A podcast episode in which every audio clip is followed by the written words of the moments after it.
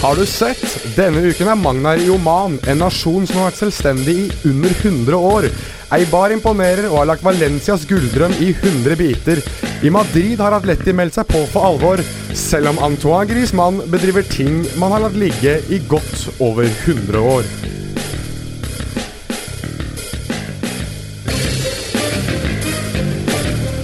La liga loca. En litt gærnere fotball.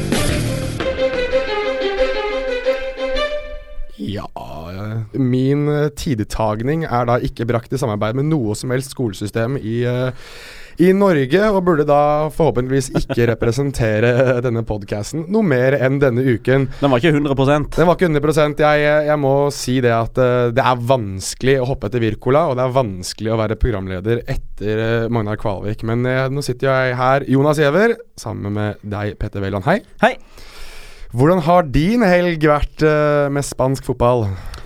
Den har vært Den, den føles mangelfull eh, på to forskjellige måter. Eh, først og fremst eh, fordi eh, jeg til nå denne serierunden her kun har fått sett 16 timer La Liga-fotball, og ikke 18. Det er en kamp mindre spilt pga. at Real Madrid holder på å tulle bort i noe eh, klubb-VM og sånn, som ikke er like interessant som La Liga.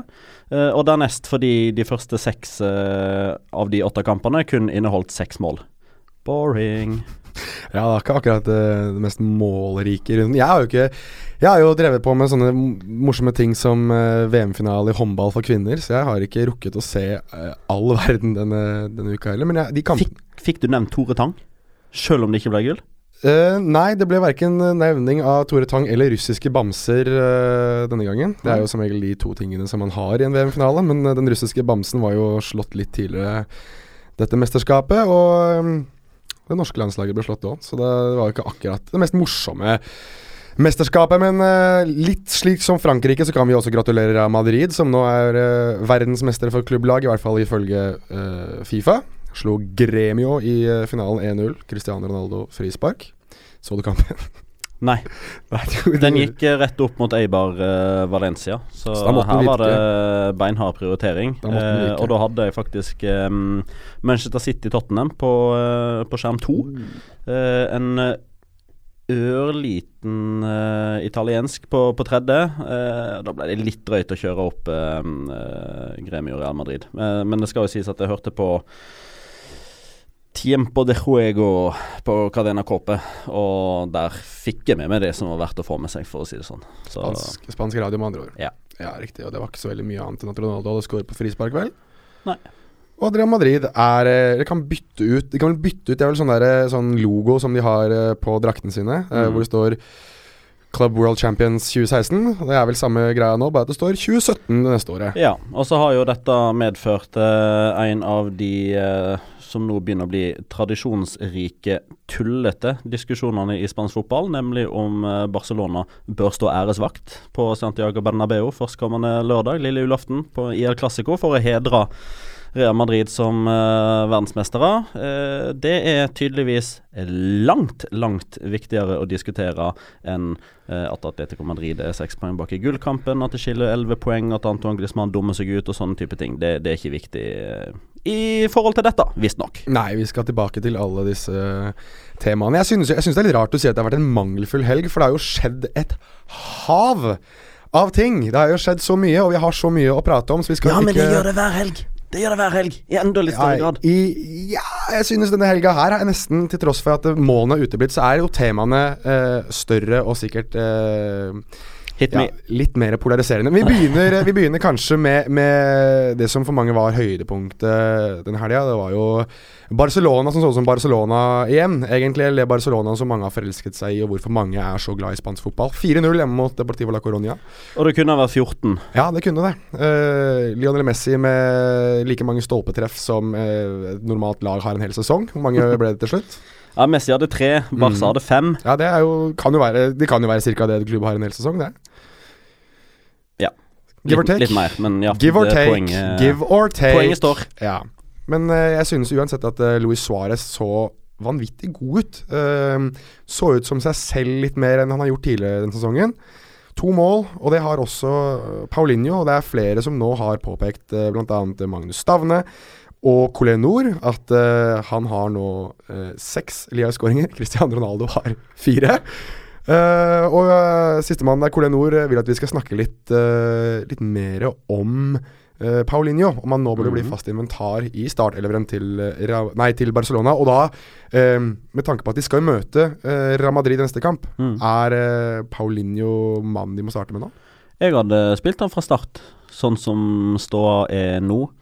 Uh, meg og deg spilte jo inn uh, enkelte sånne promosnutter for uh, Viasport i forrige uke. Mm -hmm. for den kampen skal jo jeg etter planen kommentere, du skal være i studio. og en av tingene vi, vi, gjorde da, var jo å, eh, å velge uh, den vi syns er best mm -hmm. av Barcelona-spilleren og Real Madrid-spilleren i de elleve forskjellige posisjonene. Og da kom vi jo fram til at Paulinho var en av de som skulle starte for Barcelona dersom vi skulle sette opp det som, som hadde vært den beste Barcelona-elveren. Eh, ikke nødvendigvis på papiret, men i den kampen, og det vi tror er den sannsynlige lagoppstillinga. For han, uh, han har jo gjort alle kritikere til skamme. Mm -hmm. Det er ikke veldig mange Barcelona-supportere som nå eh, tør å være like frampå som de var i juli, når det ble klart at Paulinho ble, eh, ble Barcelona-spiller for 30 millioner euro. 40, 40, 40 millioner euro. 40 ja, han er 30 år og 40 millioner euro, stemmer. Eh, jeg var jo til dels en del av det hylekoret. Jeg skal mm. ærlig innrømme at jeg brukte Paulinho for å skrive morsomme tweets som jeg visste kom til å skape engasjement, med typ eh, Ønskelista til Barca var bam, bam, bam, bam, og de ser ut til å ende opp med Paulinho. Eh, dette blir sikkert kjempebra. Det er jo nydelig. Men jeg skrev òg en blogg, og nå skal jeg virkelig gå i skyttergrava og forsvare meg sjøl litt. For jeg sammenligna Paulinho rent sportslig med, med den rolla som Seido Keita hadde under Pep Guardiola fra 2008 til 2012. Mm. Og han har jo faktisk vært eh, Enda bedre. Enda litt bedre enn hva jeg trodde han kom til å være. Ja, altså en typisk eh, vannbærer, som vel Erik Cantona sa i sin tid om, om Didier Deschamps. Altså en slags spiller som gjør drittjobben. Han sa det jo da litt mer i en mer negativ kontekst enn det vi bruker her, men jeg synes jo at Paulinho har vært en åpenbaring denne sesongen. Så jeg er helt enig i det at uh, Barcelona har iallfall en X-faktor i en type som han. Jeg tror fort at en spiller som Casemiro skal få slite med å måtte markere han ut av en kamp, da, eller prøve å gjøre det i hvert fall. Men, men for å snakke om det som skjedde denne helga her. Altså, uh, Barcelona, har vi sett de noe bedre denne sesongen? Dette er vel den første gangen jeg har følt at de virkelig har kjørt full pupp uten å ta foten av gasspedalen. Uh, for en, ting av de, uh, men, uh, en, en, del av de tingene som vi har nevnt da underveis i disse La Liga Loca-episodene For vi har jo snakka veldig mye om Barcelona. Vi har snakka om Valverde, vi har snakka om savnavn. Neymar, hvor god Messi er. Paulinho har vært en gjenganger. Jordi Alba har fått en ny vår osv. Dembélé-skade. Dembélé-skaden. men det vi òg har liksom vært inne på hele tida, er at vi, vi har sjelden sett toppnivået til Barcelona. Vi har sjelden sett de ta en kamp fullt ut i 90 mm -hmm. minutter. Fordi det er litt det du får med Ernesto Valverde. For han er en sånn type trener når, eh, når laget hans leder 2-0, da er han fornøyd. Da trenger ikke han noe mer. Da, da, da, er han gjerne sånn at han tenker eh, Nå skal jeg ikke si at jeg vet at det er sånn Valverde tenker, men, men, det slår meg som at han kanskje har en tankegang der han føler La oss si at de leder, leder 2-0 hjemme mm. mot Malaga etter en times spill. Tar han ut Iniesta. Eh, så lar han Denis Suárez få litt spilletid. Eh, så tar han ut Rakitic. Så lar han Deolofeo få litt spilletid. Så tar han ut Luis Suárez. Lar han Paco Alcázar få litt spilletid. Og så ender kampen 2-0. Mm. Og så er den mest kravstore Barcelona-fansen og kanskje litt misfornøyd, for de er vant til å vinne de kampene 4-0, 5-0. Eh, pressen begynner kanskje da å snakke om at ja, dette Barcelona-laget er ikke så bra som de har vært, for de vinner ikke like mange kamper med så mange mål. Mm. Men jeg tror Ernesto Valverde har en sånn form for filosofi der han tenker at OK, 2-0, tre poeng er mer eller mindre i boks. Nå begynner vi allerede å tenke på det som skal skje seinere i sesongen. Mm. Altså at de 5-10 prosentene av energi og krefter som de kanskje sparer på å ikke gå for 3-0, 4-0, 5-0 i like stor grad som tidligere, kan kanskje om en måneds tid resultere i at de vinner en kamp 2-1 istedenfor å spille 1-1, fordi de har mer krefter på slutten, mer overskudd. De, de føler at de har enda litt mer å bevise. De føler at de alltid har litt mer å gå på, og den type ting.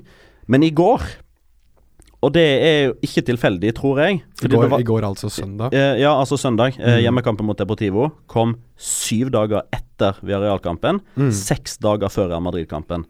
Det, det, er definitivt den kampen i sesongen der det har vært mest hvile i forkant, mest hvile i bakkant før neste kamp. Da kjører de full pupp ut. De vinner i hermetegn kun 4-0, men som sagt, det kunne vært 14. Messi skulle ha skåret straffespark? Messi skulle ha skåra på straffespark. Han skulle ha skåra på to andre sjanser i åpent spill. I tillegg til tre stolpeskudd, eller to stolpeskudd, én i tverrleggeren. Eh, deilig uselvisk målgivende til eh, Luis Suárez på 1-0. Så i men, eh, men, jeg må jo få lov til å være litt nyanserende. Altså Alle vet at jeg elsker Lionel Messi. Det Kunne jeg valgt å se på én fotballspiller resten av livet mitt, så hadde jeg valgt Lionel Messi. Mm -hmm.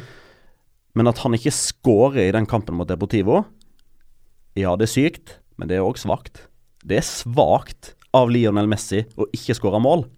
Ja, Alt annet gjør han noe helt fantastisk, men det er ganske svakt at han ikke skårer mål. Hvis du setter opp en, hvis du skal ha man of the match den kampen her, så må jo det også være han. Så klart.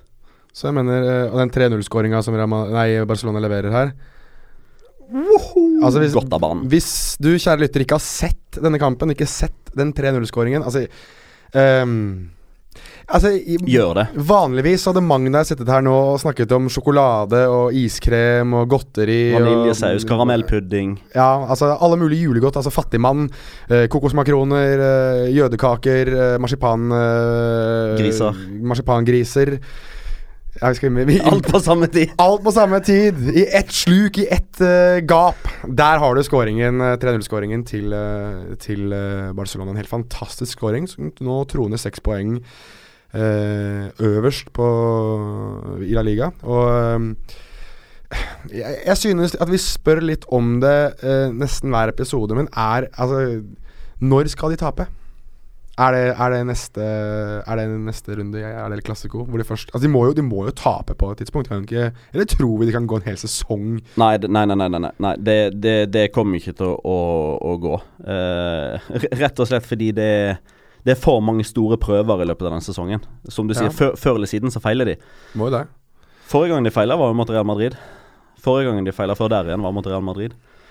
Um, og det er klart, altså El, El Clásico kunne vi ha via en tretimers sending til, men, mm. men, bare for å ta det litt sånn konkret, og så har jeg en feeling, jeg har en fornemmelse av at de siste uh, fem årene Dette har jeg ikke dekning for, det er kun en magefølelse. Den eneste jeg har dekning for, er eh, forrige møte mellom de i, i serien. Men det laget som trenger å vinne mest, det laget som ligger bakerst Det pleier å vinne. Det pleier å vinne. Det skjedde på Santiago Bernabeu i april. Mm. Da var det jo sånn at eh, hadde Real Madrid vunnet den kampen Adios uh, La Liga for Barcelona sin del, men mm. de vant og var med hele veien inn. Selv om Real Madrid alltid var i førersetet.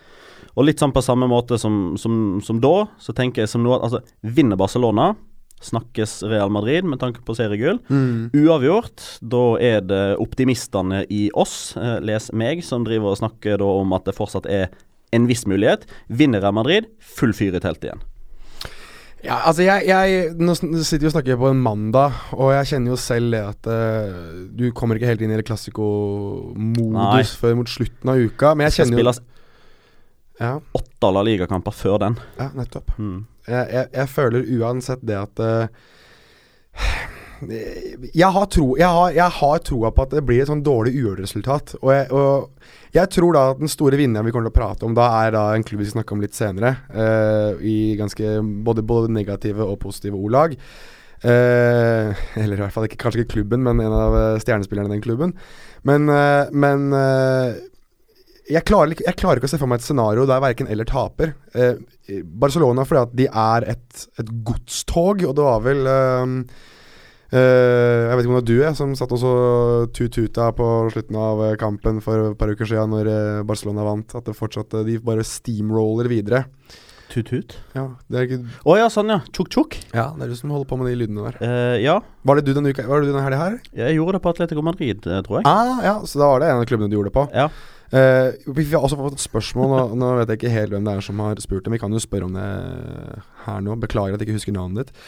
Men hvem tror vi taper først av Atletico Madrid og Barcelona? Jeg tror det blir Barcelona, fordi Oi. jeg tror de taper mot Real Madrid. Ja. Eller jeg, jeg klarer liksom ikke som, som du egentlig ganske fint påpeker, da. Ikke helt i El Clásico-modus ennå. Eh, jeg føler at det, det, det begynner liksom å komme seg, men jeg skal kommentere fire kamper før den.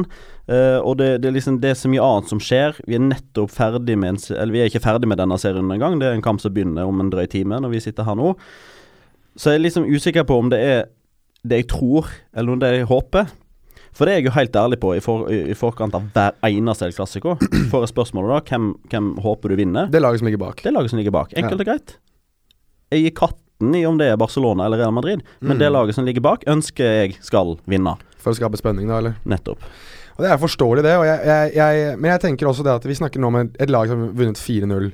uh, som har gjort det veldig, veldig bra den runden mot Deportivo la Coronia. Vi snakker om et lag som nettopp har blitt verdensmestere for klubblag. Er det to lag som kanskje Jeg vet ikke om det er første gang på en stund, men jeg, jeg føler at det er første gang på en stund som kommer inn med kjempe Egentlig med litt momentum, begge to. Det er Mm. to lag som begge to egentlig, kan vi si, er inne i en slags god steam, da. Uh, Real Madrid er jo alltid Altså det, det at Real Madrid vinner uh, trofeer, er jo alltid positivt for dem. er jo alltid noe de hyper opp. Og når man ser tilbake på Zidans trenerregime, så er det kanskje et av de trofeene man løfter først fram sammen med- Champions League. Um, er det første gang på en stund nå begge lag eh, kommer inn i El Clásico, og begge to sikkert føler at de skal vinne? Ja. Det Og det er jo egentlig bare til å se på den forrige ligakampen til hver enkelt eh, av de to lagene. da Altså Mm. Barcelona Deportivo 4-0, eh, sesongbeste i, i La Liga. Mm. Real Madrid Sevilla 5-0, eh, sesongbeste i La Liga. Og i bakkant av det så har Real Madrid reist til Emiratene og blitt verdensmester for klubblag. Som av enkelte ikke blir anerkjent som noe særlig trofé pga. motstanden er ditt og datt, og du kommer dit fordi du har vunnet en annen turnering og, og denne type ting. Men for Real Madrid så er det en viktig tittel å ta, fordi det er den man spiller om når man er der. Man er der og henter den tittelen man skal ta, og nå kan Altså, jo, men det, jo, men det de gjør i Spania nå, da, det er at de slår seg på brystet og sier at ah, nå har de vunnet flere VM enn Brasil. Ja, men det, er jo, det, jeg, det jeg ler litt av, eller humrer litt av, er det at du sier at det er viktig for dem der og da, og det er helt riktig. Men som en som er veldig glad De fleste som kjenner meg, vet at jeg er veldig glad i søramerikansk fotball og glad i søramerikansk kultur uh, osv. Det, er- det er altså det største å vinne Ja. klubb-VM. Det er det ja. største du kan oppnå.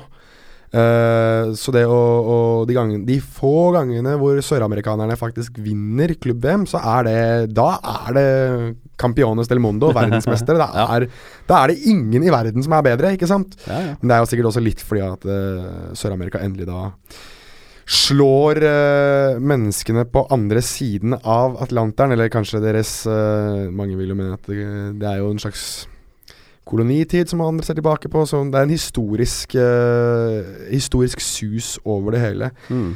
Uh, skal vi se Det var uh, Adrian Steen ville for øvrig at jeg skulle spørre deg, Petter, om, om du har en statistikk på hvor mange ganger du har kommentert Real Madrid i tap og seier? Ikke totalt, uh, fordi det dokumentet som jeg hadde fra tida i uh, Seymour og Kanal Pluss, uh, det gikk dessverre i dass eh, ved en feiltagelse. Det dokumentet ble sletta før jeg rakk å lagre det. Men jeg har for eh, etter tida i Viasat, da har jeg kommentert Real Madrid 41 ganger. Og det har vunnet 28. 10 uavgjorte og 3 tap.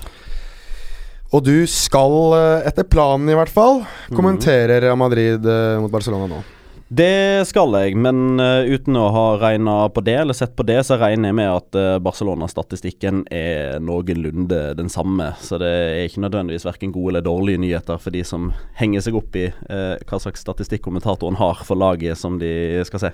Diplomatiske Petter Wæland der. Yes. La oss gå videre til eh, en annen kamp. Nå, eh, vi skulle sikkert, som du sier, snakket i mange, mange, mange flere timer om Real Madrid mot Barcelona, men som sagt, de må, litt, de må litt videre. Det er faktisk andre lag som spiller eh, La Liga-fotball denne sesongen, og to av de er Eibar og Valencia. 2-1 til Eibar, som eh, seiler opp som eh, en av de absolutt aller største overraskelsene denne sesongen. Som nå har gått ubeseiret i seks kamper, der de har vunnet fem av dem. Eh, 5-0 mot Betis, blant annet. Ehm, flere som lurer på om uh, bl.a. Uh, Jan André Mraz Hagen, som eh, spør om vi kan eh, snakke om formsvingen deres, eller forme opp svingen deres, Mm. eh, den i siste. Og hvor stort det er at denne bitte lille klubben slår så hardt fra seg i La Liga. Kan Får jeg lov til å komme med en ørliten korreksjon? Det kan godt. Fem kamper på rad uten Er det fem? Fire seire og én uavgjort. De, Ja, de, hadde, de hadde tre på rad. Eh, De starta med den 5-0-seieren mot Betis, og så slo de Alaves, og så slo de Español. Uavgjort med Retafe, men der burde det ha blitt seier. Fordi um, Joan Jordan. Som vi hadde satt penger på som målskårer. Brant straffe. og så tok de Valencia. Eh, og det er liksom Det minner meg litt om, eh, om Atletico Madrid høsten 2016. Eh, selvfølgelig med store forskjeller òg, men, men det jeg skal fram til, er at i løpet av sommeren, når eh, José Luis Mendilibar eh, var ute i media, eh, så fikk han en del kritikk fordi ja, eh, Eibar beholdt plassen, og, og ja, de var liksom aldri ordentlig i nedrykksstriden, og, og ja, og, og ja, og, ja. Men kritikerne Å ja. ja. Kriti kritikerne hevder liksom at ja, men de spiller den samme type fotballen. Det er ikke noe progresjon der. Eh, det, det, liksom, det er stram 4-4-2, og de ønsker liksom å se en progresjon i måten de spilte fotball på. Mhm. Og det virka som at Mendy Libar tok det litt for mye til seg. At han følte at han hadde litt mer å bevise enn hva han egentlig hadde. Fordi de første ti kampene av, eh, av La Liga denne sesongen, så, så prøvde de å spille en type fotball som de ikke beherska. Noen kamper så var det 4-3-3, noen kamper så var det 4-2-3-1. Noen ganger så hadde han tre sentrale midtbanespillere, noen ganger så spilte han med, med, med, med, tre stoppere bak. Han leita liksom etter en måte å spille det man kanskje på nøytralt vis anser som litt bedre fotball, da, og samtidig få gode resultater. Det klarte de ikke. Og så, før Betis-kampen, så sa han Screw this! Vi går tilbake til 4-4-2, for nå er vi i trøbbel. Ja. Da var de nummer 17. Mhm. Og etter det 13 av 15 poeng. Ja, nei, altså jeg synes de er veldig At de har vært mektig imponerende den siste tiden, og de eh, Hva skal man si? Altså, jeg, jeg, jeg ser dette litt med, med Valencia-øyne òg, og jeg, jeg øynet jo at dette kunne gå ordentlig skeis for dem. Og, men jeg lurer litt også på De har jo ikke møtt, ikke møtt den vanskeligste av motstanden. Eibar, iallfall ikke sånn på papiret. Uh, selvfølgelig, hvis du setter dem opp mot Altså Eibar opp mot disse klubbene her, så er de, er de ganske jevne, uh, veldig mange av dem. Men jeg føler uansett det at de nå har gått De har tatt de poengene de kanskje trenger også for å bli værende til neste år. da Jeg tror ikke de er en av de klubbene som kommer til å ligge der nede og vake når vi snakker mai. Nei, nei, altså motstanderne som totalt sett de siste fem, altså det, det er ikke det de kaller for Mount Everest. Det er ikke en eh, Det er ikke klatreetappe i Toren fem dager på rad. Det er det ikke. Men, men de slår Valencia. De banker Betis med 5-0. Og det som liksom er totalbildet her, det er jo tabellen etter 16 serierunder. Eibar er to poeng bak syvendeplassen, som de siste fem sesongene har gitt Europa League. Mm. Pga. at cupvinneren har kvalifisert seg til Europa gjennom seriespill. Mm. Uh, og det er jo Man må jo måle de uh, ut ifra tabellen først og fremst, og så Ja. kan man gå liksom inn og se på nyanser og hvordan de spiller og hvem de har tatt poengene mot osv. Men, men faktum er at uh, Eibar kommer da altså fra en by som har uh, ca. samme antall innbyggere som Kongsberg. Kongsberg! Da hopper de kun på ski. Spiller mye basketball i Kongsberg. Basketball òg. Alt mm. annet enn fotball, tydeligvis. Mm. Ja, jeg, jeg skrev en artikkel om, uh, om det en gang i magasinet 433. Uh, og da kalte jeg dem for uh, det lille Gallerriket, der Asterix og Obelix eh, bedriver sine, sine dager, eh, mens eh, San, San Sebastian og Bilbao, altså Real Sociedad Atletic Club, er da Romerriket rundt. At de er liksom de, de lille som slår over evne hele tiden, og som aldri lar seg, uh, lar seg falle. Mm. Og det har de bevist ettertrykkelig nå denne sesongen her. De er vel uh, Nå er den basketklubben som ligger høyest på tabellen. Ja, de er det. De er foran eh, Real Sociedad og foran Atletic og foran Alaves. Og da er det jo et spørsmål som vi har fått fra Thomas L, som spør på Twitter med forbehold om tett tabell. Hva tenker dere om Betis, Español, Atletic og Celta så langt? Hatten av for Girona, Getafe, Eibar og Leganes. Men er det litt skuffende? Det var mange lag. Ja, altså Betis, Español, Atletic og Celta. Ja, alle underpresterer jo. Mm. Om man ser på eh, den gemene hops tabelltips, mm. så antar jeg jo at liksom eh, topp fem er liksom typ bankers, og så tror de aller fleste at det er Viareal, bortsett fra Magna, da, som tror de skal rykke ned! Som er liksom det sjette. Melding til Oman her. Ja, Hovedstad Muskat, for øvrig. Ja. Ja ta det litt muskat, eh, Magnar. Det blir ikke nedrykk på Viareal. Muskatmagna? Der har vi det nye kallenavnet. Muskatmagna. Nå, Men- nå datt det litt ut der. Ja, nei, jo, men- men, men både Celta, Atletic, eh, Betis og Español Ja. skal jo i utgangspunktet ligge høyere på tabellen enn Girona, Eibar, Retafe og Leganes. De fire skulle jo egentlig ha bytta plass. Ja, det er det som er poenget her. Ja. ja, det er nettopp det. Så be et bekreftende ja. Eh, skal vi snakke om hvorfor det er sånn òg, eller? Ja, hva tenker du om det? Er Nei, det- nei jeg, jeg tenker jo at her er det først og fremst trenere da som gjør en veldig god jobb eh, Ja. i, i Girona. Det handler om å se på det du har, og gjøre det beste ut av det. Mhm. eh, være tro mot egen spillestil. For Girona har en veldig satt elver. Det er egentlig bare kun skade og karantene som gjør at eh, Pablo Machin gjør endringer. Mm. Eh, den, den eneste sportslige endringen som har skjedd der, er at Johan Mohica har utkonkurrert av Adai Benitez om eh, venstre wingback-posisjonen. Mm. Og Jacin Bono tok keeperplassen fra Gorka i dag så sett en åtte-ni serierunder. Eller så er det de samme ni som har spilt, med unntak av skader. Og de er tro mot sin egen spillestil. De gir alt for hverandre. Det er liksom Det er ingen som, eh, som svikter i returløp. Det er ingen som unngår å gå i blokkering fordi de er redde for å få ballen i bjelleklangen og, og sånne type ting. Det samme kan man, kan man si om Retafe. De har den mest satte elveren av alle i La Liga. Uh, som, Jeg, jeg gjør en god jobb. Eller min 52 år gamle ja, din uh, Ja. Ligner José, litt- José Bordalas. Ja, ja. ligner- ligner- ja jeg, jeg står fortsatt på det. Ja, ja, ja, dere, dere er litt like. Dere er det. Begge har litt skjegg. Begge har briller. Litt begge har skjegg? litt uh, litt viker og Ja, Litt- vi gir oss nå. Jeg har viker, det kan jeg godt være helt ærlig om. Jeg har fem, fem gode år igjen, jeg, og så er det over og ut her oppe. Da Da, blir, det, da blir det Paco Remes. da blir det nok først uh, Zinedine Zidane anno 98, og så går vi sakte, men sikkert vekk fra det òg. Førstemann til månen. Førstemann til månen. Ja, men du er inne på, på Girona. Vi kan jo hoppe, hoppe dit. Eh, som da vinner eh, 1-0 mot eh, José Bordalas, eh, aka Jonas Giæver, og eh, Getafe. Um, Christian Stuani, Mm. som eh, fortsetter å være den reneste målmaskinen på topp der. 1-0. Eh, hva Altså, de ligger på syvendeplass nå, gjør de ikke det? Ja.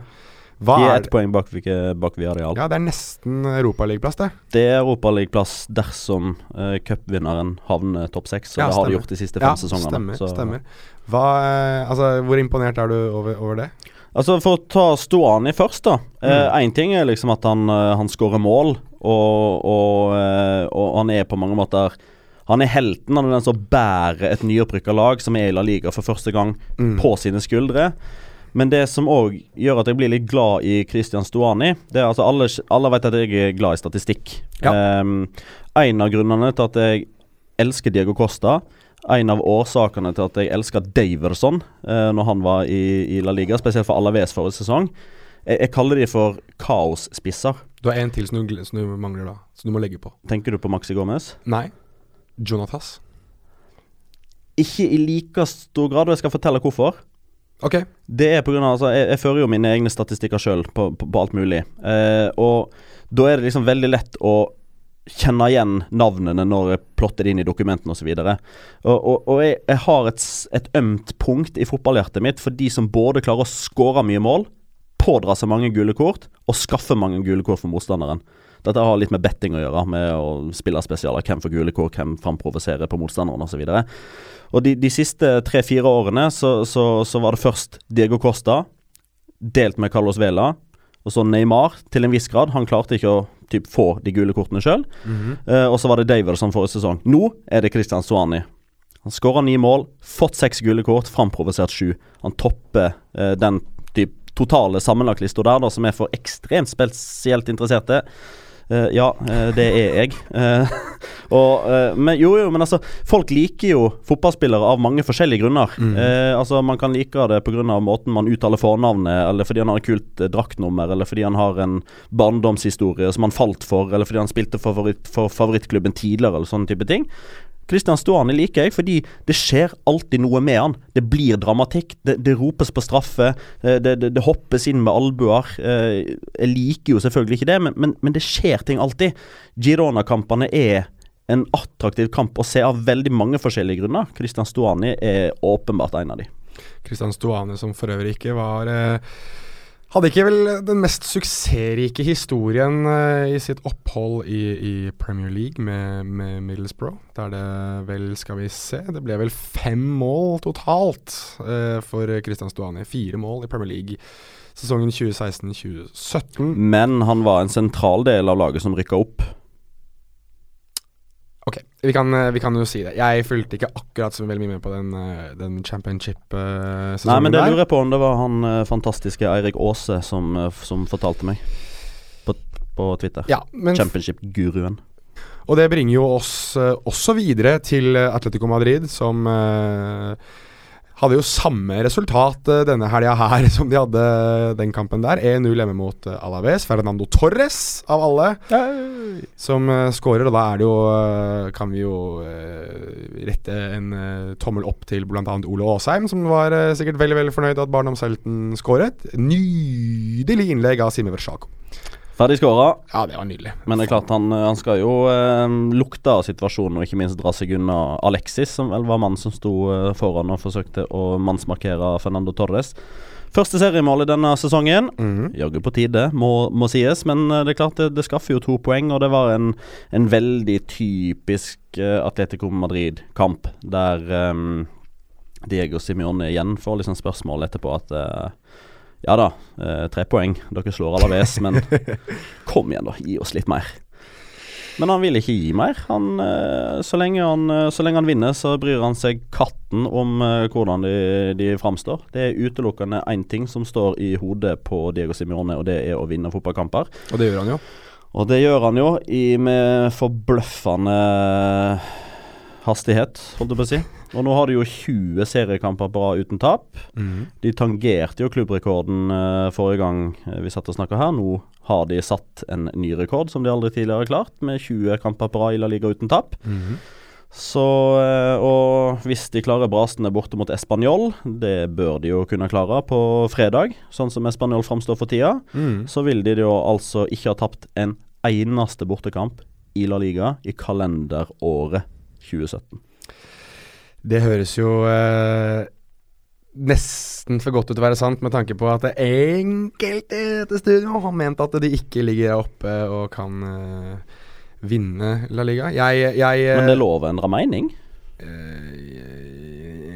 Ja, vi venter, venter, litt med det. Jeg, jeg, kan, jeg kan, være enig, et, ettersom vi hoppet litt vekk fra dem nå. Det er sikkert noen som kommer til å rette en pekefinger mot meg og hvorfor det ble gjort. Uh, jeg kan godt være med på at Valencia er hektet av nå. Um, jeg tror, eh, jeg tror, eh, de har vist at den troppen der er for tynn. De har ikke gode nok tore i den troppen til å ta de videre når spillere som Sasa er skadet, Garay er skadet, Geders er skadet.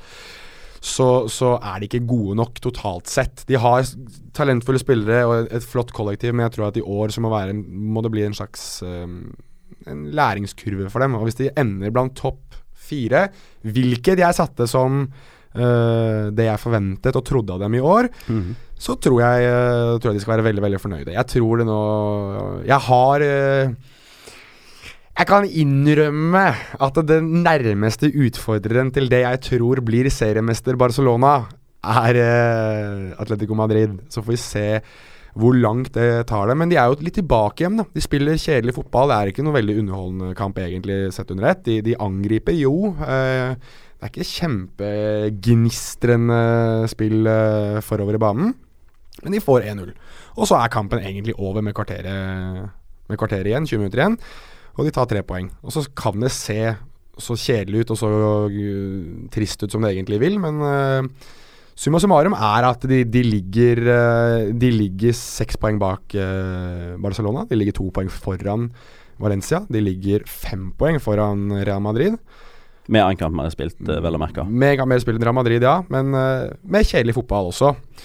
Men én uh, spiller det sjeldent er kjedelig med, er jo uh, Antoine Griezmann. Og det kom jo et bilde som ble plastret ut både på Instagram og Twitter søndag kveld, der Antoine Griezmann skulle kle seg ut som en basketballspiller fra 80-tallet, og valgte da å kjøre full drakt og sko og det som var, men eh, det mange reagerte på, var at han også farget uh, huden sin svart. Uh, enten var koks eller hva det var han brukte for noe, så var i hvert fall huden hans fra topp til tå var farget uh, svart. Vel- Veldig mange som reagerte på sosiale medier. Alt fra mediefolk til eh, parlamentsfolk i England som, som eh, antydet at dette kunne være rasisme. Og eh, brukte da begrepet blackface, som er eh, stammer fra en form for teaterkunst.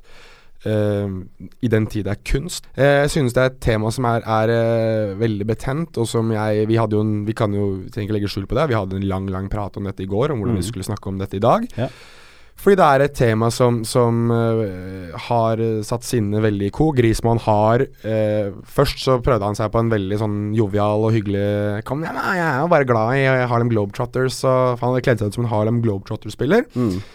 Ja, for det, for det som er bakteppet her, er at de skulle på et 80-tallsparty, og at det riktig. åpenbart var uh, en sånn type event der man skulle kle seg ut i en eller annen form, enten på noe på noe som man forbandt med 80-tallet, eller noen som man forbandt med 80-tallet. Mm. Og, og det er jo bakteppet her. Ja, nettopp. Og så la han da ut en, en, eh, en slags form for eh, Kom igjen, dette her er ment som en hyllest. Jeg, dette her er bare gøy. eh, ikke ta det så seriøst. Og så ble den unnskyldningen slettet veldig kort tid etterpå, og så poppet det opp en ny en som var eh, helt sikkert et PR-lag som har sendt han en melding og sier 'Dette legger du ut, nå er du stille resten av kvelden. Ikke si noe mer.' Der det sto 'Jeg beklager hvis jeg har eh, ødelagt for noen, eller hvis jeg har vært eh, noen. Såret noen, ja. Eller hvis jeg har vært eh, respektløs mot folk. Det var, det var ikke min intensjon overhodet.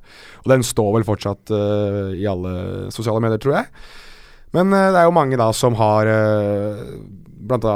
Manchester United-sportere som mener at de ikke vil ha han i klubben sin etter dette. Og, og sikkert også noen Atletico Madrid-sportere som har uh, i hvert fall antydet at dette her Det blir enklere å la han gå nå, etter, etter dette. Jeg vet ikke hva slags tanker du sitter igjen med etter dette. Jeg har jo mye på hjertet, men jeg skal la deg få lov til å eh, ta det først. Ja. Altså, det jeg tenker først og fremst her, er at dette burde ikke Antoine Griezmann ha gjort. Han burde skjønt at dette her er et såpass betent tema at uansett hva som er intensjonen bak uh, det valget om først og fremst å kle seg ut på den måten, og dernest publisere det på sosiale medier, det burde ha det burde kommet noen sånne varsellamper som lyste, enten hos han Eller de som er med som er med han. Det For det er jo åpenbart noen Ja. som hjelper han med å uh, se, se ut sånn. Ta bilde eh, og den type ting. Der burde varseltrekanten ha Ja. lyst mot det. At, Ja. at, at dette her i 2017 så vil noe sånt skape harme. Ja. Og, men, men la oss først og fremst bare få eh, være krystallklare på at Antoine Griezmann som person er ikke en rasist. Nei, det helt Hans beste venn er Paul Pogba. Han har mange venner som er afroamerikanske. Dette her er jo liksom på mange måter bakteppet, da. Og da bør man liksom skjønne at skal man først velge å gjøre det på den måten der, så må det forklares veldig mye bedre enn at han bare skriver hashtag 80-tallsparty og står der med et Colgate-glis. Altså, da skjønner ikke folk sammenhengen her. Nei. Jeg tror ikke at reaksjonene hadde vært så umiddelbart sterke og fylt med sinne og skuffelse om det hadde vært en forklaring med at hei, nå skal vi på et 80-tallsparty. Vi har fått beskjed om at uh, vi skal kle oss ut. Vi skal hedre noen som vi så opp til, som vi liker, som vi, som vi forbinder med 80-tallet. Og hvis det da for Antoine Griezmann er Harlem Globetrotters, og han velger da å, å kle seg ut på den måten der, så bør det i det minste forklares på en måte som gjør at folk umiddelbart tenker Greit, du er ikke rasist, men du har dårlig dømmekraft. For det er noe annet enn Ja. å være rasist. Ja, det er nok uh, den beste måten å, å oppsummere det på, men uh, ja. Sånn ellers så, så kan vi jo gå litt kjapt igjennom to kamper som jeg vet at uh, du så. Uh, jeg så det ikke, og det er jeg egentlig litt glad for at jeg ikke gjorde. Men uh, Baskerderby, Atletic Club, Real Sociedad 0-0. Real Sociedad holder nullen! Jeg, er- jeg er, jeg, altså det var jo jeg, var jo jeg hadde den på i bakgrunnen, og jeg satt egentlig bare og ventet på at de skulle slippe inn. Men nei da! De holdt nullen i, i, eh, La Liga. Det er eh, første gang på hvor, siden tusenårsskiftet, holdt jeg på å si. Det er jo nesten 15 kamper vi regna oss fram til sist gang. Uh, ja, det må det ha vært i alle turneringer i så fall. Ja, De holdt null mot Alaves forrige gang i La Liga, 14.10. Så drøye to måneder, da. Ja, nettopp. Et veldig skuffende Basca-derby. Det må jeg si. Jeg hadde gleda meg veldig mye til det. Jeg kommenterte det. Jeg blåste jo kampen opp eh, på, på sosiale medier i forkant. det sa, skal du. Jo, men så klart. Altså, Basca-derby er noe av det herligste vi har det i spansk fotball, Ja på generelt grunnlag. Ja, Men den kampen her, den, den uh, sto ikke til forventningene. Og det var på mange måter en eh, 90 minutters eh, forklaring på, på hvorfor lagene ligger der de ligger på tabellen. Eh, og en mistanke ble vel kanskje bekrefta med at uh, verken Atletic eller Real Sociedad har mange nok veldig gode spillere. Altså De har ikke 16-18-20 gode spillere. De har 11-12 gode spillere, og så er det et hakk ned til nummer 13, 14, 15, 16, 17. Så det betyr at når de i løpet av en lang høst med Copa del Rey, der begge har røket ut mot Segunda B-lag, eh, Europa League, der begge har tatt seg videre, eh, men alle hadde noe å spille for helt til siste slutt, så alle seks kampene betydde noe for begge de to lagene.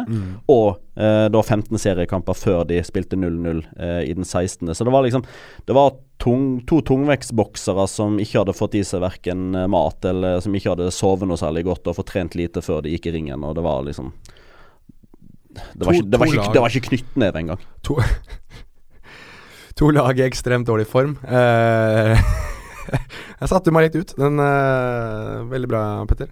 Uh, men to lag i, i dårlig form, to lag som skuffer. To lag som egentlig har skuffet på generell grunnlag nå i uh, veldig veldig mange runder, føles det ut som. Er det to trenere som sitter litt utrygt òg? Jeg tror ikke Siganda sitter utrygt nå, fordi de er fortsatt på en opptur. Eh, litt skuffende spillemessig, først og fremst, men resultatet i seg selv er ikke nødvendigvis så dårlig. Eh, nå har de 0-0 mot Real Madrid. De vant 2-0 borte mot Soria Luhansk og tok dermed gruppeseieren. Eh, det var ikke sikkert de kom til å gå videre engang, men så endte de til slutt med å vinne hele greia, eh, eller hele gruppa, fordi Østersund ikke slo Hertha Berlin. Så vant de 2-1 borte mot Levante, og så har de 0-0 mot eh, Real Sociedad her nå. Så jeg føler det, det blir jo helt feil å si at Saganda skal få fyke nå, når man faktisk ser i hvert fall en resultatmessig progresjon. Så kan man absolutt ta til orde for at de ikke spiller seg veldig god fotball, og de skårer altfor lite mål, spesielt på hjemmebane.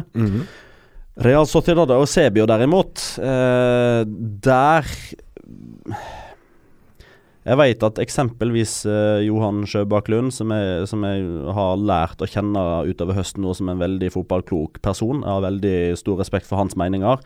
Og han Jo, jo. det Ja, er ikke nei, noe å le av det. nei, jeg ler ikke av det. det ikke, Eh, og, og han på, forsøker jo å, å forsvare Eusebio eh, og mener at det, liksom, det, det er for tidlig å snakke om at han må gå osv. Men det er liksom én ting som betyr mer enn alt annet i fotball, og det er resultater. Mm. Eh, Real Sociedad har vunnet til sammen fem av 16 La Liga-kamper. Så sånn totalt sett så er ikke det så verst. Men de tre første kom i de tre første rundene. De har vunnet to av de siste 14. Mhm.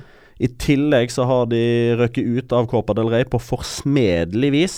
De leder 2-0 hjemme mot Jeida. De leder 3-0 sammenlagt og ryker ut.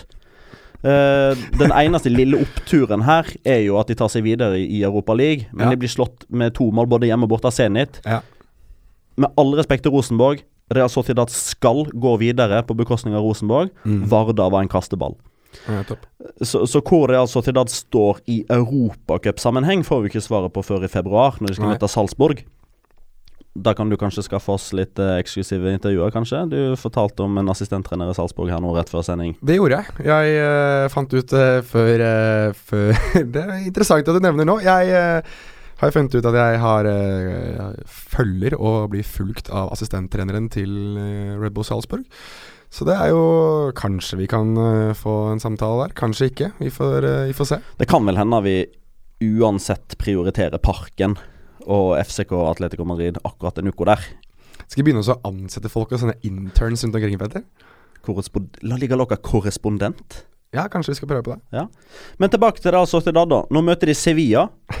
Som vi skal prate om nå snart. Ja, eh, det er en vanskelig kamp, uansett hva slags form Sevilla er i. Det er altså to lag som skuffer. Det er det.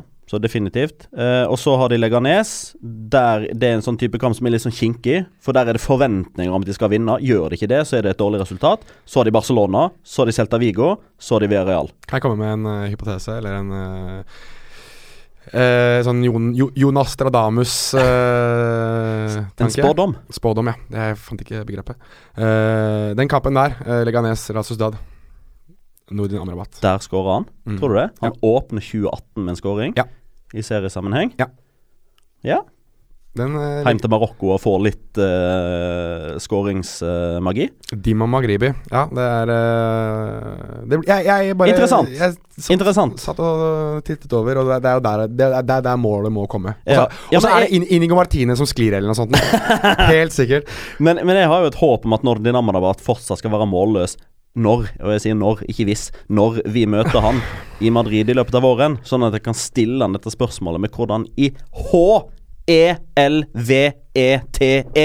er det mulig for deg som angriper å ikke ha skåra mål på åt, ja, mellom 80 eller 90 kamper, da, alt etter hvor mange kamper han spiller nå før han skårer mål. Vet du, mange, vet du, hvem som har like mange La Liga-mål eh, den sesongen som Nordin Amrabat? Uh, ja, alle andre som ikke har skåra? Du. Uh, vi går videre til Sevilla Levante. 0-0. Uh, eh, igjen, jeg, jeg, refererer tilbake til samtalen du og jeg hadde i, litt tidligere. Og Da nevnte du for meg at Og det er veldig Jeg synes det er litt vondt egentlig på mange måter å si, men det er jo, det er jo noe som spekuleres i av andre. At dersom Eduardo Berizzo ikke hadde nå hatt denne diagnosen, altså at han har kreft Eh, så hadde han sittet utrygt, men mm. da den tid han nå har vunnet litt sympati, da eh, Eller ikke vunnet, det er feil å si. Fått sympati grunnet sykdommen sin, for å si det så er det vanskelig å få ja, men For å si det enkelt og greit, da. Ja. Du, du, du, kan ikke Se, du sliter, du òg. du kan ikke gi Eduardo Berizzo fyke nå. Nei, jeg, det kan du bare ikke. Nei, jeg ser den. Nei, altså jeg, jeg, er enig, jeg. Jeg, jeg er helt enig med deg. Jeg syns det er vanskelig på en måte Jeg syns det gjør litt vondt å si at du får ikke sparken fordi du har kreft. Skjønner, skjønner ja, ikke sant, men, men, men, vi er ikke der helt ennå. Men, Nei, men, det, det, men, det, ja, blir sagt, sagt, i seviansk presse. ja, sant? ja. altså både, både, i ABC og i Estadio Deportivo og uh, Eldesmarke, i tillegg til diverse radiosituasjoner. Som, som alle, alle er lokal presse. Ja. Så, alle er kritiske til hvordan Sevilla har framstått totalt sett. Mm -hmm. Enkeltindividene som kollektiv, om man ja. ser noen progresjon eller ikke. Spillerne som kom inn i sommer. Mm. Man er kritiske til alt. Mm. Uh, og så er liksom en, en, del av bildet her det, det, må liksom males etter den konteksten det blir sagt i. Altså se, I Sevilla så, så, snakker man med, med hjertet. Uh, og man drar ofte litt sånn forhastede konklusjoner. Man overdriver gjerne litt når det går bra, man overdriver gjerne litt når det går dårlig det er litt sånn svart-hvitt. Enten så er det kjempebra, eller så er det ræva. Uh, akkurat nå så svinger pendelen mot ræva, uh, og da finner man alltid ting for å underbygge dette her, da, fordi det, det er diskusjoner. Man, skal, man, må rope høyest og må ha sterkest billedlig språk for å bli hørt. Mm. Men det er jo ting som ikke er som det skal i Sevilla. Altså Måten de ble slakta på av Real Madrid i første omgang. 0-0 eh, mot Levante. 1-1 mm. borte mot Maribor. Al altså, de tar seg på meg Altså, på sett og vis tar de seg videre fra, Champions, Champions League-gruppa fordi Spartak Moskva ikke tar flere poeng. Ja. Altså Innbyrdes da så taper de. Mm eh, de. de. klarer ikke å slå Maribor i siste runde. Nei. De er egentlig heldige som tar poeng både hjemme og borte mot Liverpool, med tanke på hvordan kampen utspilte seg. Ja, at Liverpool ja, kunne og burde avgjort langt tidligere. Femteplass i La Liga i seg sjøl er jo ikke så aller verst, men nå har Sevilla kommet inn i en sånn type klubbdrift der man på mange måter belager seg på at for å opprettholde den driften de har nå, mm. lønnsnivå, eh, overganger, eh, salgssummer, kjøpsummer osv., så, videre, så må de spille i Champions League. Ja, helt enig. Og nå ligger de allerede vel mange poeng bak det som jeg tror blir deres uh, hovedrival for å ta fjerdeplassen, nemlig Valencia. Jeg tror ikke Sevilla har nubbesjanse til å ta igjen Real Madrid, uh, Atletico Madrid, eller i hvert fall ikke Barcelona. så det blir en kamp mot Valencia. Eh, med maksflyt så kan Real pushe, det tror jeg ikke skjer. Ja. og så klart, nå skal de òg ut, ut, i Champions League mot Manchester United. Trener Eduardo Berizzo dem, da? Jeg håper jo det. Nei, hvis du må ja, ja, ja, jeg tror, ja, jeg tror det. Okay. For jeg tror dette, dette, er noe forbigående. Jeg tror ikke det blir så krise at de til syvende og sist velger å sparke Eduardo Berizzo. Skjønner. Eh, men det som kan skje, som gjør at det tar feil, det er tap mot Real Sociedad og tap mot Real Betis. Den siste der er vel uh, Eller det det blir Sevilla nå. 2018 åpner med et fyrverkeri. Mm. Og der kommer òg Kikiset igjen til å være under press. Eh, nå kan det hende at de allerede har slått eh, Malaga når folk hører dette, og at ting er tilbake igjen til å være rosenrødt der. Men jeg har en feeling av at Betis Sevilla, det blir et oppgjør der taperen som trener Eller treneren som taper. Beklager. Taperen som trener. Ja. Treneren som taper. Ja da, ja, jeg erter deg, jeg nå. Muligens må gå. Ja, jeg, eh, men jeg, jeg synes jo det er interessant med, med, med Sevilla, for å komme en liten digresjon der. Altså Unai Emery, som nå er trener for eh, Paris Saint-Germain, eh, vinner Europaligaen og, og egentlig er den som starter dette lille eventyret. Jorge Sampaoli, som eh, hadde først et eventyr i Universidad de Chile, så et eventyr med Chile, og Sevilla som var eh, Som lå an til å, til å kunne i hvert fall kjempe om tittelen i, i La Liga før de ble utbrent og slitne, slik man gjerne blir under en så intens trener som, som Sampaoli. Og, og, og nå så har de fått et lite spark bak, da. Det har eh, plutselig ikke sett like bra ut for dem. Og jeg tror, jeg tror på mange måter at dette har vært en slags sånn realitetssjekk for, eh, for eh, Sevilla denne sesongen. Eh, det betyr ikke at jeg mener at de skal ligge så langt ned på tabellen som det de gjør, og at ikke de skal ligge oppe og kjempe om Champions League-plasser, men jeg tror bare det at de kanskje skal dempe forventningene sine. At de skal være så gode år etter år etter år etter år, etter år slik de har vært. For de har prestert over evne. Det må vi jo være såpass ærlige å si. Det er jo det som er litt av medaljens bakside, da. Med gode prestasjoner så kommer òg kunstig høye forventninger. Ja. Jeg satt og tenkte over det, hvis jeg husker helt rett nå. Vi, vi har jo en, en avstemming på, på Twitter nå, La Liga Loga Pod, der vi uh, stemmer fram høstens lag i, i, uh, i, La Liga. Jeg håper at folk går inn og stemmer, og allerede har stemt. Vi, nå har vi, nå er på, vi er kommet til venstre back-posisjonen uh, når denne poden her kommer ut. Yes. Sentral midtbane blir publisert tirsdag formiddag. Ja, og hvis jeg ikke husker helt feil, nå må du rette meg i så fall så har vi vel ingen Sevilla-spillere eh, nominert overhodet. Ban Banega var med i diskusjonen når vi skulle barbere nominasjonslista på sentral midtbane eller playmaker fra ti til fire. Ja, og der forsvant han ut. Og det var også den, eneste, den eneste, vi hadde nevnt, tror jeg. Det var den eneste vi hadde nevnt. Ja. Sarabia var inne i diskusjonen om en høyrekantroller, men han forsvant òg ut ganske tidlig i den det, elimineringsprosessen. Det gjorde han. Uh, to lag som heller ikke hadde spillere nominert, eller som ikke kommer til å spille nominert, er Las Palmas og Español. Der kan vi jo uh, først og fremst starte med at Loik Remy uh, skårer for Las Palmas. Uh, vi er nå da på mål nummer fem. Han må skåre ti for at jeg skal slå uh, Petter Wæland i vårt veddemål, som er om Loik Remy skårer ti eller mindre uh, seriemål i La Liga. Hvis han gjør det, så får jeg en kasse øl. Hvis han ikke gjør det, så får Petter en kasse øl. Og nå går det jo mot at han Ligger han an til dette tempoet her, så er det jo jeg som kan uh, kose meg uh, når vi snakker mai, juni, juli. Spørs hvor fort det Han er foran skjema. Han er foran skjema. Jeg har jo et ørlite håp nå da om at Chelsea ser hvor god han egentlig er, og at de bare henter han tilbake igjen. Vi går videre til uh, spørsmål til uh, Benjamin Haji, som sier at han har prøvd tidligere, så nå syns jeg han skal få sitt øyeblikk i sola. Etter nok en svak forestilling i helgen hadde det vært interessant å høre noen ord om Maurizio Lemos og uh, hva som har skjedd. Fra rykter om Barcelona, Madrid og England til å bli ligaens minst fryktede stopper. Og uh, ja, før du sier noe, så vil jeg ha sagt én ting.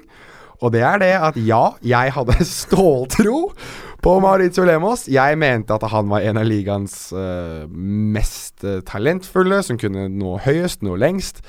Um, nå er det vel rundingsbøyer på treningsfelt rundt omkring i det norske land som eh, har mer potensial, og som gjør en bedre jobb enn det Maritio Lemos tidvis gjør.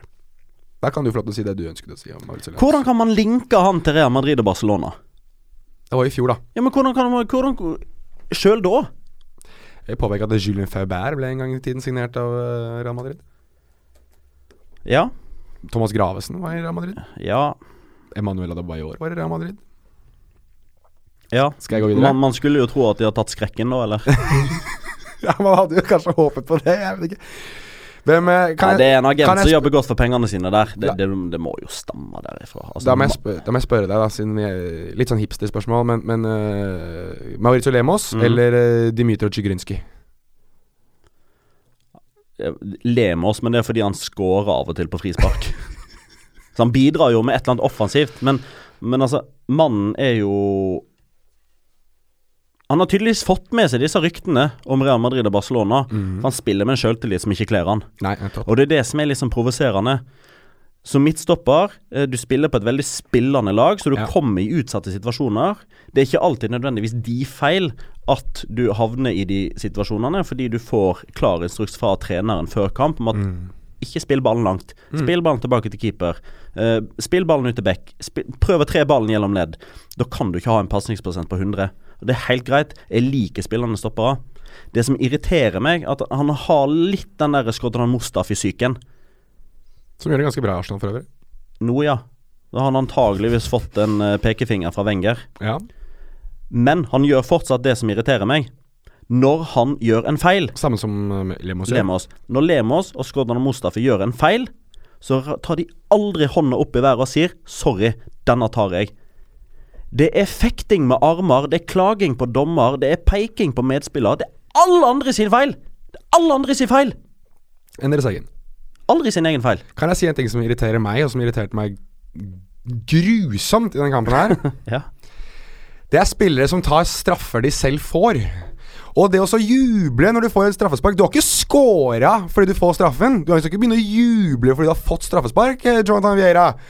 På stillingen 2-2, og jeg må si virkelig Las Palmas med stormløp på slutten der, og det er imponerende. Altså, fra, med, med ti minutter igjen av ordinær tid, så skårer først Loic Remy, så Jonathan Caleri rett før eh, fulltid. Mm. Tidligere så hadde da uh, Gerard Moreno uh, skåret begge målene for Spanjol. Så får de straffespark. Helt riktig dømt. Bra dommer, eh, bra sett av dommer. eh, og tøft å tørre å gi et straffespark der, egentlig, også når, når kampen står og vipper sånn som den gjør. Og, Mm. uh, Ja, bra dømt av Sanchez eh, Martinez, som vel er uh, han som skal få uh, æren, eller plagen, med å dømme El Clásico. Ja, men han gjorde seg fortjent til det i den kampen her, synes jeg. Og Jonathan Vieira med Altså, vi snakket sist episode om, om dårlige straffer. Altså, hallo! Prøv å velge deg et hjørne, da! Er, altså, det er halvveis luntende fram, og så sånn der pløsestraffe midt i mål. Ja. Paul Lopez tenkte å bevege seg halvveis en gang, jo. Grusomme varianter som uh, har blitt levert i La Liga nå Ja. to eh, runder på rad. Men eh, jeg merker nå at nå, nå brukte jeg liksom Jeg brukte opp uh, sinnakvota mi på, først på litt på Glismann, eller mer den skuffa kvota, og så sinnakvota på Lemos. Eh, og så prøver jeg å følge deg på dette greiene med, med Viera og jubling og sånn, men Og så sier du at det er oppskrudd, ikke sant? Nei, nei, nei, nei, nei. Det, det skal jeg ikke si. Eh, men, eh, men jeg må få sagt at jeg, jeg, jeg klarer ikke å bli sinna på Jonathan Viera. Jeg klarer det ikke, for jeg blir så glad av å se han spille fotball. Han kan brenne så mange straffespark han vil, for min del. Han er den beste spilleren noensinne som har ikledd seg Eilas Palmas-drakt. Jeg elsker Jonathan Viera. Jeg til å tenke om det er noen andre Jeg kan ikke komme på noen ellers. Ja, Altså, det er Valeron, da. Valeron, Ja. Han, uh, han står høyt, han òg, men eh, Elsker du Valeron? eh, Selvfølgelig elsker jeg Valeron. Petter eh, med mye kjærlighet. Jeg har et stort hjerte. Det er plass til mange. Ukens La Liga Locura. Locura. Locura. Locura. La Liga Locura. Ja, det er eh, selvfølgelig den tiden i uh, podkasten der vi plukker ut et øyeblikk eller noe som har eh, tatt vår interesse, bergtatt vår interesse hva angår galskap i, eh, i den spanske toppserien. Petter Wæland, har du lyst til å starte? Ja. Eh, et eh, statistisk Locora-galskap eh, som sjelden eller aldri eh, har skjedd før. Sjokk. Mm. Tradisjonen tro. Det er skåra 14 mål til nå denne serierunden. Mhm. Eh, presiserer igjen, dette er før Malaga Betis. Der blir nesten garantert denne statistikken eh, Der skåret det ni mål. ødelagt. Men det som er locoraen, er at alle disse 14 målene er skåra på ett touch. På første touchet. Altså, På første touchet. Mm. Eh, som en hyllest til uh, Hugo Sanchez. Eh, Ja, han hadde en sesong der han skåret vel eh, alle foruten ett mål på første touch, kan Ja. det stemme? Uh, og det er liksom For å prøve å presisere liksom hvor uh, galskap dette her er, da. Til nå denne sesongen så er det skåra 423 mål.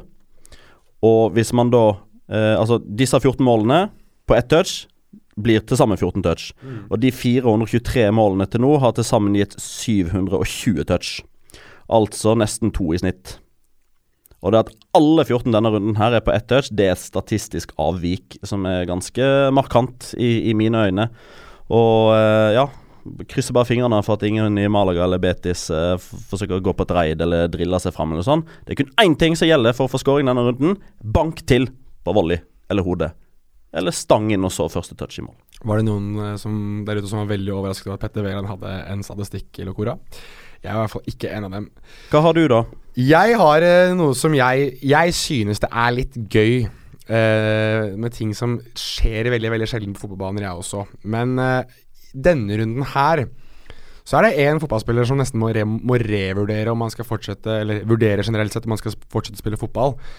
For stakkars, stakkars, stakkars Carles Hill. Jeg fikk så vondt av han.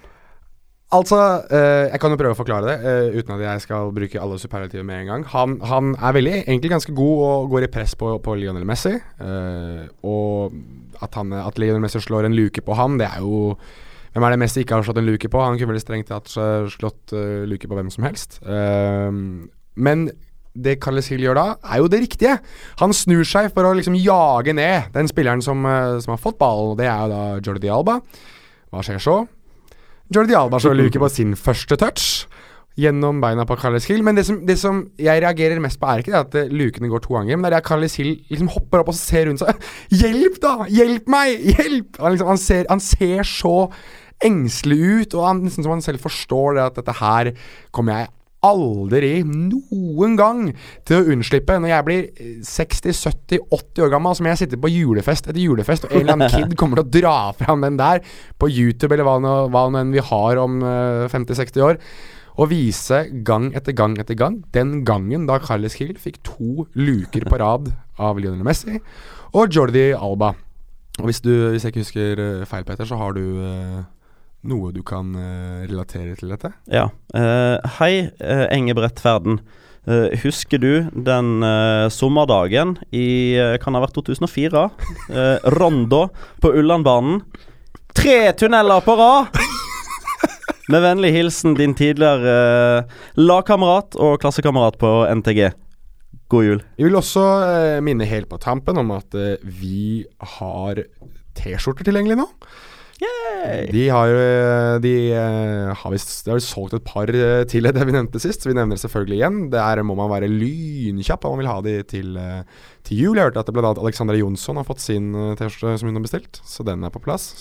Ja, jeg får snart mine, forhåpentligvis. Jeg Ja. har jo selvfølgelig bestilt noen sjøl for å kunne gå rundt og reklamere. Ja, jeg har, eh, vi har jo fått bilde av, av Cold Zero, som, eh, som eh, publiserer, eller som lager disse for oss. Trykker de opp om at det er blitt gjort bestillinger. Og jeg håper at folk går inn på creativemidfielder.co.uk, scroller ned på siden, der finner du La Liga Loca, klikker seg inn der. Finner seg uh, den T-skjorta de likte best. Og jeg vet det er mange som har lyst på andre motiver. Men eh, skal det komme flere motiver, så må jo disse vi har allerede, de må jo selge litt. Er du ikke enig, Petter? Helt enig. Ja. Helt enig. Helt enig, helt enig. Og øh, jeg tror øh, vi er vi er gode på å se til neste runde. Er det noen kamper du blinker. Jeg vet at jeg vet det, er en, det, er, det er en kamp vi nevnte litt tidligere, som, som vi kanskje ikke trenger å snakke så mye om. Det er uh, lille julaften klokka ett uh, på via Sport 1, vel. Uh, så der skal i hvert fall jeg sitte i studio, og du skal muligens kommentere det. Hvis du Hva for en uh, kamp er det du tenker på nå? Er det, er det den Er det den i, i Madrid? Er det der de spiller? Ja. Ja. Ja. Er det Real Madrid Bars Det, det, det, det hva, hva? El Class... Er ikke det det kalles? El Classico? det er mulig. Det er Ja. mulig. Ja, Men uansett, den, den fotballkampen spilles jo på lille julaften klokka ett. Men vet du hva? Lille julaften, 23. desember. Den er spekket, altså. Det er den, den beste fotballdagen Helt enig. i året Mhm. i verden. Jo, men ja, hør, ja. da. Nei, jeg, jeg er enig. ja. Ja, jeg er enig. Nå kommer sikkert noen til å argumentere for at nei, den var for uh, halvannen uke siden, når det var både Manchester Derby og Merceside Derby på en og samme dag. Det er feil. Det var det. Ja, det var- ja, den det er feil at det var den beste. Real Madrid, Barcelona, El Clásico, verdens største klubbkamp. Trumfer Manchester Derby. Liverpool-Everton er hakket større enn Valencia Villarreal, helt enig. Men du har Deportivo Celta som en tredje spicy ingrediens på den La Liga-lørdagen. For de som ikke kjenner den, så kan vi jo sammen, ta, tappe nisselua sammenligna med Sunderland Newcastle. Det galisiske derbyet. Og også derby. Der har du den. Er det noe vi, eh, vi eh, burde nevne ellers da, Petter Welland? Vi må kanskje ønske Fotball god alle dager. Fotball alle dager. Er Mandag, tirsdag, onsdag, torsdag, fredag, lørdag. og så eh, må folk huske at det kommer eh, faktisk spesialer i eh, romjulen. Der vi Bonus, skal, bonuspod, bonuspod. kommer bonuser. Vi skal ikke forlate dere helt i, i jula. Det kommer en, eh, en overgangsspesial der vi snakker om eh, diverse overgangsrykter og ting vi forventer at kommer til å skje. Og eh, ja, egentlig overganger. Det er vel nesten bare det det kommer til å gå i. Ja. Og så har vi en hvor vi går gjennom eh, en liten kavalkade der vi ser tilbake på året 2017, i hvert fall høsten, og sikkert også litt av vårparten. Og har jo da gjort, gjort oss opp noen kategorier med nominasjoner. Som sagt, gå inn på La Liga Loca Pod for å stemme på årets En lag. pris har vi faktisk allerede delt ut til vedkommende. Og vedkommende var veldig glad. Var veld, Han var veldig glad. veldig glad òg. Ble stående og snakka lenge etterpå. Ja, han gjorde det. Fin fyr. Det var en kar som var veldig glad i å snakke spansk. eh, og er mye bedre i spansk enn det han sjøl tror. Eh, ellers så vil vi eh, Dette her er jo de, de ordinære episodene, så vi ønsker jo god jul fra, fra mandagsepisoden. Mm. Og ser fram til å ønske dere god jul i uh, romjulsepisoden. Og eh, vi ser fram til masse, masse herlige podder med dere i 2018. Gå inn på iTunes, legg igjen en vurdering, legg igjen en rating. Det setter vi alltid kjempestor pris på. Og så ser vi dere igjen mykket, mykket snart. Petter Wæland, Johan Giæver. Ha det bra. Ha det.